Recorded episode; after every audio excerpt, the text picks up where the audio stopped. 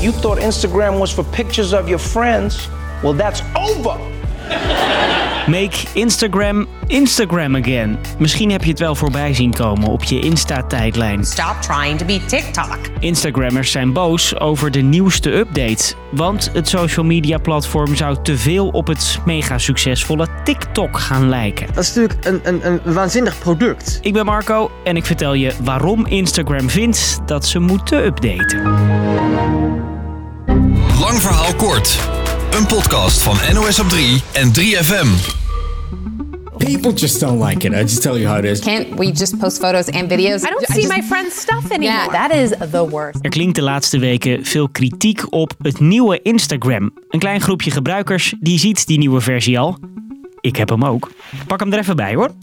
Ja, het social media platform begon natuurlijk ooit als plek waar je mooie foto's kwijt kon. Filtertje erover en hop, online. Maar de feed verandert constant. Op Insta kan je al lange tijd video's plaatsen. Vanaf vandaag is de aarde op. Ze begonnen met stories, beeld dat na een dag verdwijnt uit je tijdlijn. Dit nou weer voor idioot? Hallo? En nu weer iets nieuws, legt de Instagram-baas uit. Because the world is changing quickly and we're going to have to change along with it. Insta laat meer aanbevelingen zien in de nieuwe versie. Die leuke vakantiefoto's van je beste vrienden zie je daardoor minder snel. Daarvoor moet je een tapje verder. The idea is to help you discover new and interesting things on Instagram that you might not know even exist. En de reels van Instagram, de korte video's die fullscreen in beeld zijn, blijven even hangen op je tijdlijn als je langscrollt, zodat je de eerste paar tellen van die video kunt zien. Foto's worden minder belangrijk. I do believe that more and more of Instagram is going to become video over time. If you look at what people like and consume and view on Instagram, that's also shifting more and more to video over time, even when we stop changing anything. So we're going to have to lean into that shift. En die veranderingen komen Insta op forse kritiek te staan. Een fotograaf maakte die post waar ik je in het begin over vertelde. Die is bijvoorbeeld niet blij dat zijn mooie kiekjes weggedrukt worden door video's en alleen fullscreen staand in beeld komen. Let's face it, we want to make Instagram Instagram again. Let's do it. De app zou te veel op TikTok gaan lijken. De kritiek daarop is dus groot. Insta zag dat de cijfers ook niet goed waren en draait nu de plannen weer even terug. Je krijgt de komende tijd toch minder aanbevelingen en minder video's die fullscreen je feed doorknallen. Leuk geprobeerd dus, maar ja, het werkte niet. Waarom moet Instagram veranderen? Het was toch top? You were always bitching about brunch pics. Now you're going to be begging to see them. You'll be like, please, was it eggs? Was it avocado toast? I just want to know what my friends were eating. Instagram voelt de Chinese video-app TikTok in de nek hijgen, vertelt collega Nando, die alles over tech volgt. Instagram heeft gewoon gezien dat, dat TikTok een soort van gouden formule in handen heeft. En ziet dat als een potentieel gevaar. Op TikTok hoef je niemand te volgen, daar krijg je door het algoritme elke keer weer gepersonaliseerde video's op je afgestuurd. En het bedrijf groeit enorm. In een jaar tijd 75%. Insta maar 11%. En daarom kijkt Insta naar de TikTok-foefjes. Allereerst om ervoor te zorgen dat mensen niet overstappen naar TikTok. Dus dat ze bij Instagram blijven. En misschien ook wel, maar dat lijkt me lastiger. De hoop dat mensen die TikTok gebruiken overstappen naar Instagram. Instagram is onderdeel van Meta, het vroegere Facebook. En Meta doet het een stukje minder dan jaren geleden. Het bedrijf verdient geld door bijvoorbeeld advertenties te verkopen. En daar speelt ook mee dat een social medium graag jonge mensen op het platform heeft. Zoals TikTok nu. Het is een doelgroep die als je ze aan je bindt, eh, ze misschien wel eh, de komende jaren bij je blijven. Op een gegeven moment ga je studeren en, en dan krijg je eerst de baan. En, en die maken best wel stappen ook in inkomsten door.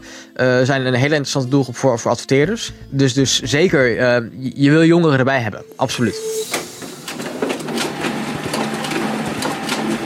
Ja, zoals je hoort.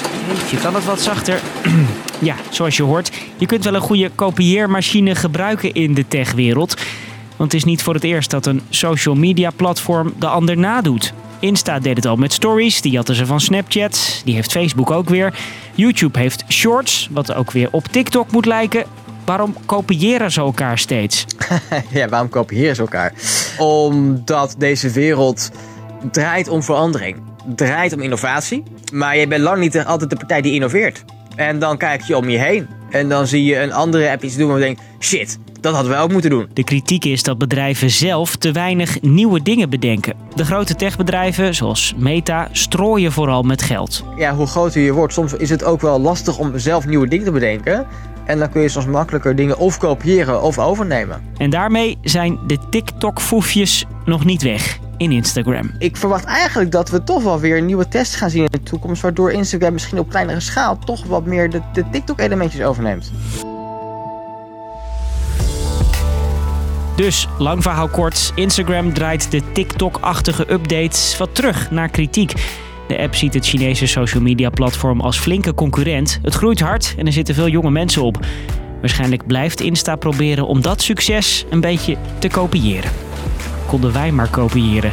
Dat is mooi makkelijk geweest. Nee, dat doen wij niet. Elke werkdag om 5 uur hebben we gewoon een kakelverse nieuwe aflevering. Bedankt voor het luisteren. 3FM podcast. Hey, hallo. Leuk dat je nog even bent blijven hangen. Ik ga niet voor je liegen. Ik ben meestal al uitgetuned op dit punt in de podcast. Je bent er nog. Wij, Use en J van Use en J New Emotions, de podcast, willen je namelijk graag kennis laten maken met onze podcast. Het is bijvoorbeeld lekker om te luisteren op je dode gemak. Inderdaad. Als je lang uit op je sofa ligt met een kussentje onder je knieën. Of op je knieën mag ook. Of wanneer je door de zachte motregen fietst met een tas vol boodschappen. In elk geval raden wij jou aan ook eens te luisteren naar J New Emotions. Een blessing voor je oren. Waarin Pepijn en Youssef, wij dus, praten met mensen die jij vast ook graag een keertje zou willen spreken. Zoals bijvoorbeeld Monica Geuzen, Tim Hofman, Why not? Maan, Tuurlijk. Vrouwtje, Eefje de Visser, Yes. Veronique Flex. Wij zoeken tot op de bodem uit wat zij zoal doen op een dag. Wees lief voor jezelf en luister Use, maar ook J. New Emotions.